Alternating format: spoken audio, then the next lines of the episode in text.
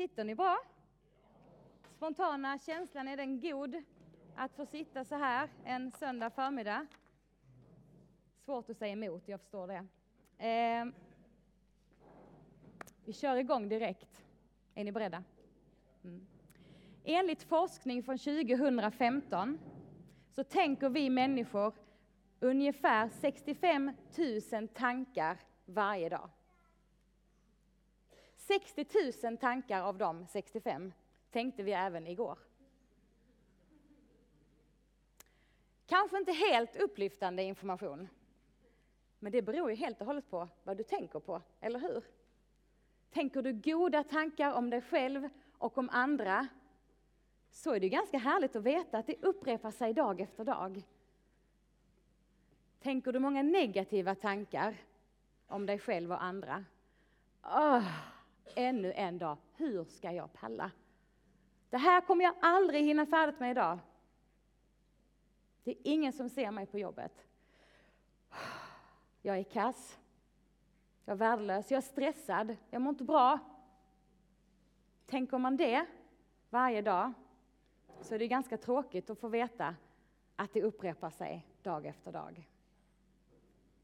Den här forskningen förklarar att när vi tänker en tanke mer än en gång så skapas det en signal upp till hjärnan och den förstärks varje gång du tänker samma tanke.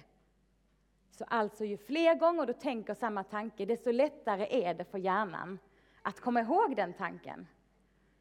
Ju oftare du tänker en tanke så är det lättare att tänka den igen. Och nu sitter ni ju kanon här för samtal och det tänker jag inte missa. Så nu ska ni få lov att prata med varandra och ni har två frågor. Jag tvingar inte någon till något. Sitt tyst och lyssna om du vill. Men det finns en möjlighet att få prata. En fråga lyder så här. När tänkte du senast en ny tanke som du är medveten om? Oj! Så här har jag aldrig tänkt förut. Eller så kan du få berätta vilka tankar har du dag efter dag efter dag som maler i dig. Varsågoda. Hallå? Ja, nu ska jag vara tyst. Eller hur? Nu vill ni fortsätta. Ett härligt sorl. Jag vill inte avbryta, men jag gör det ändå. Men nu har ni fått två spännande frågor av mig som ni kan få fortsätta prata om. Och det kan man fråga egentligen vem som helst. Du, vad tänker du på varje dag som snurrar under?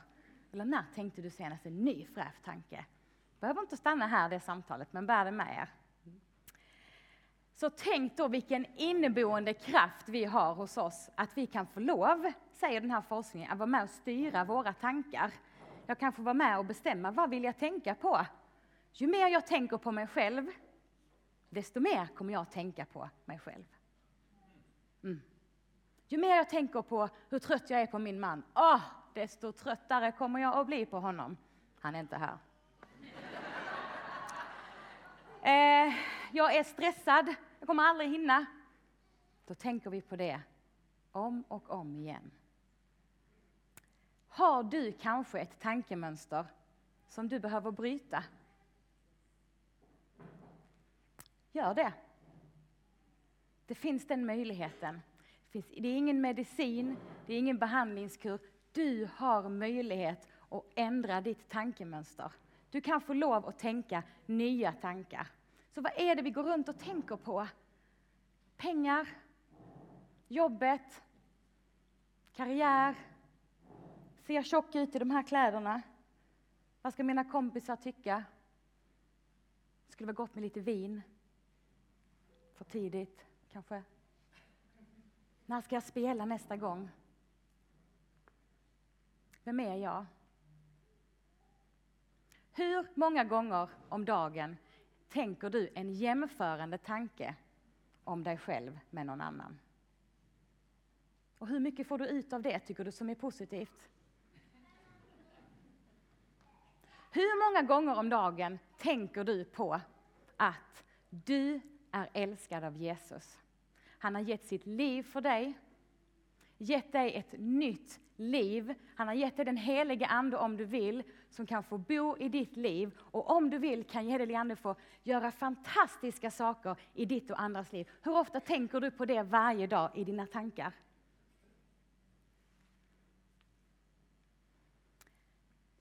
Vi läser, och nu ska jag berätta något häftigt. När jag har suttit och förberett så har det här ordet kommit till mig. Och på morgonbönen här så berättar en av eh, förebilderna förebedjarna att det är faktiskt dagens bibelord i mobilappen Bibeln.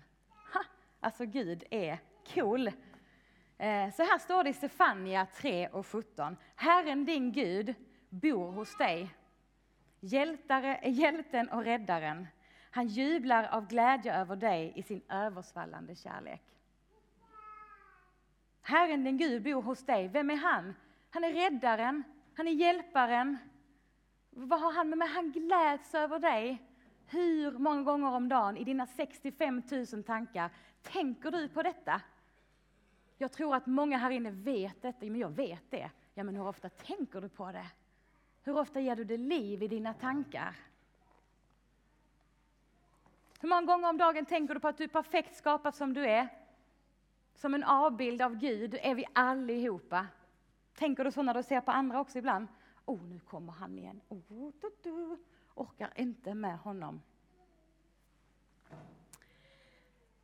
I denna världen är det otroligt lätt att gå vilse, även i tankevärlden. Och det är lätt att falla för frestelsen att tänka negativt om oss själva och andra. Så finns det ett tankemönster du behöver bryta, gör det. Här finns förebedjare idag som gärna hjälper dig i den bönen. Men har du också hittat några förtroliga vid ditt bord, så uppmanar jag er att be tillsammans. Det finns en möjlighet att få bryta detta. Vill du börja tänka Guds tankar om dig? Läs Bibeln, inte Insta.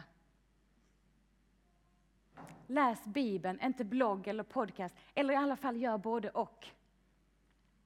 I, I Bibeln står det om Guds tankar om dig. Och en tanke som jag då vill skicka med er här idag, den står här. Mästaren är här och kallar dig till sig. Det är en tanke jag vill skicka med er idag. Hur många vet att det sitter här på väggen? Kanske några, men man har sett att just här står någonting. Mästaren är här och kallar dig till sig. Det är inte vilka ord som helst, de betyder mycket för den här kyrkan, för de har vi funnits med från den plats där vi förut firade gudstjänst. Så det är ord som betyder mycket. Mästaren, han är här idag och vill möta dig. Det är inte så att du behöver göra någonting. Han kallar på dig och han vill förvandla dina tankar.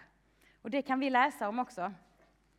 Vi ska se om vi kan komma till Romarbrevet. Där det står att vi inte ska anpassa oss efter denna världen. Nu kommer det här coola. Utan låt er förvandlas. Hur då? Genom förnyelsen av era tankar. Då kan ni avgöra vad som är Guds vilja, det som är gott, behagar honom och är fullkomligt. Det är genom tankarna, mina vänner, som vi kan bli förvandlade. Det är inte mer magiskt än så, och ändå är det så magiskt att det sitter här inne. Och idag så har vi ju, eh, är det det här med dörren och det, det temat idag är den öppna dörren. Och Guds dörr, för att vi ska kunna förvandlas, den är alltid öppen. Alltid, alltid, varje dag nya möjligheter. Varför är det då så svårt för oss att ta in att Gud är med oss alltid? Är Det någon här inne som bara, men jag har fattat det på riktigt. Att Gud alltid, i varje sekund är med mig. Handen upp, jag har fattat det.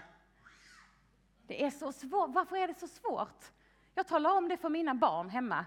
Vet, Gud han är med dig i skolan och han är med dina kompisar. Och jag säger att vet, det är viktigt, Anton och Maja, att Gud han bor inte i kyrkan, han bor i ditt, i ditt liv talar jag om för dem. Tänker ni som det är fint? Klok hon är. Och I somras körde jag bil och min son Anton satt i baksätet. Och plötsligt säger Anton, mamma, Jesus sitter bredvid dig nu. Och jag bara, va? Va, va, vadå menar du? Alltså, va, nu? Vi ska bara precis köra till träningen. Va, ska du, du ska med nu? Ja, men så, vad, vadå? Eh, just det, alltså, såg du honom? Ja men mamma, han är osynlig. Ja, ja, det vet jag väl. Så du ska, det ska vi, nu ska du ska med. Varför är det så svårt för oss att förstå att vi har en Gud som åker bil med oss? En Gud som oroar sig över, över ekonomin med oss. En Gud som gläds över framgångarna i vårt liv med oss. En Gud som ser dig när du tror att ingen annan ser dig. Det sitter här inne och tänka tanken att Gud är med mig. Hur många gånger tänker du den? Så den blir på riktigt. Mästaren är här. Han kallar på dig, han längtar efter dig och din uppmärksamhet. Och den här söndagen är ju redan lite så galen, så varför inte göra den lite mer annorlunda?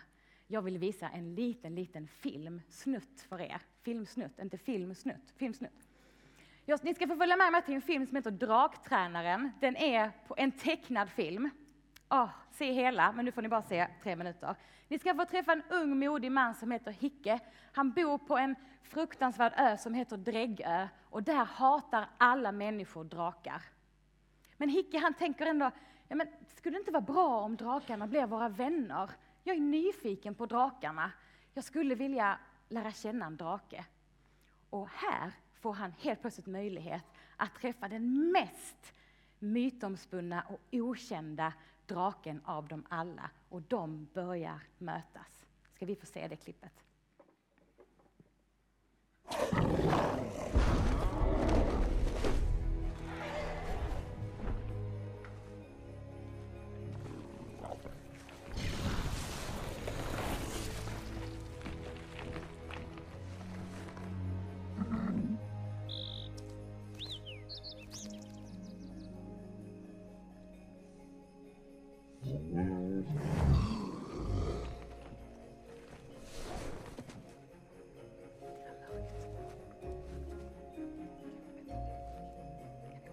Thank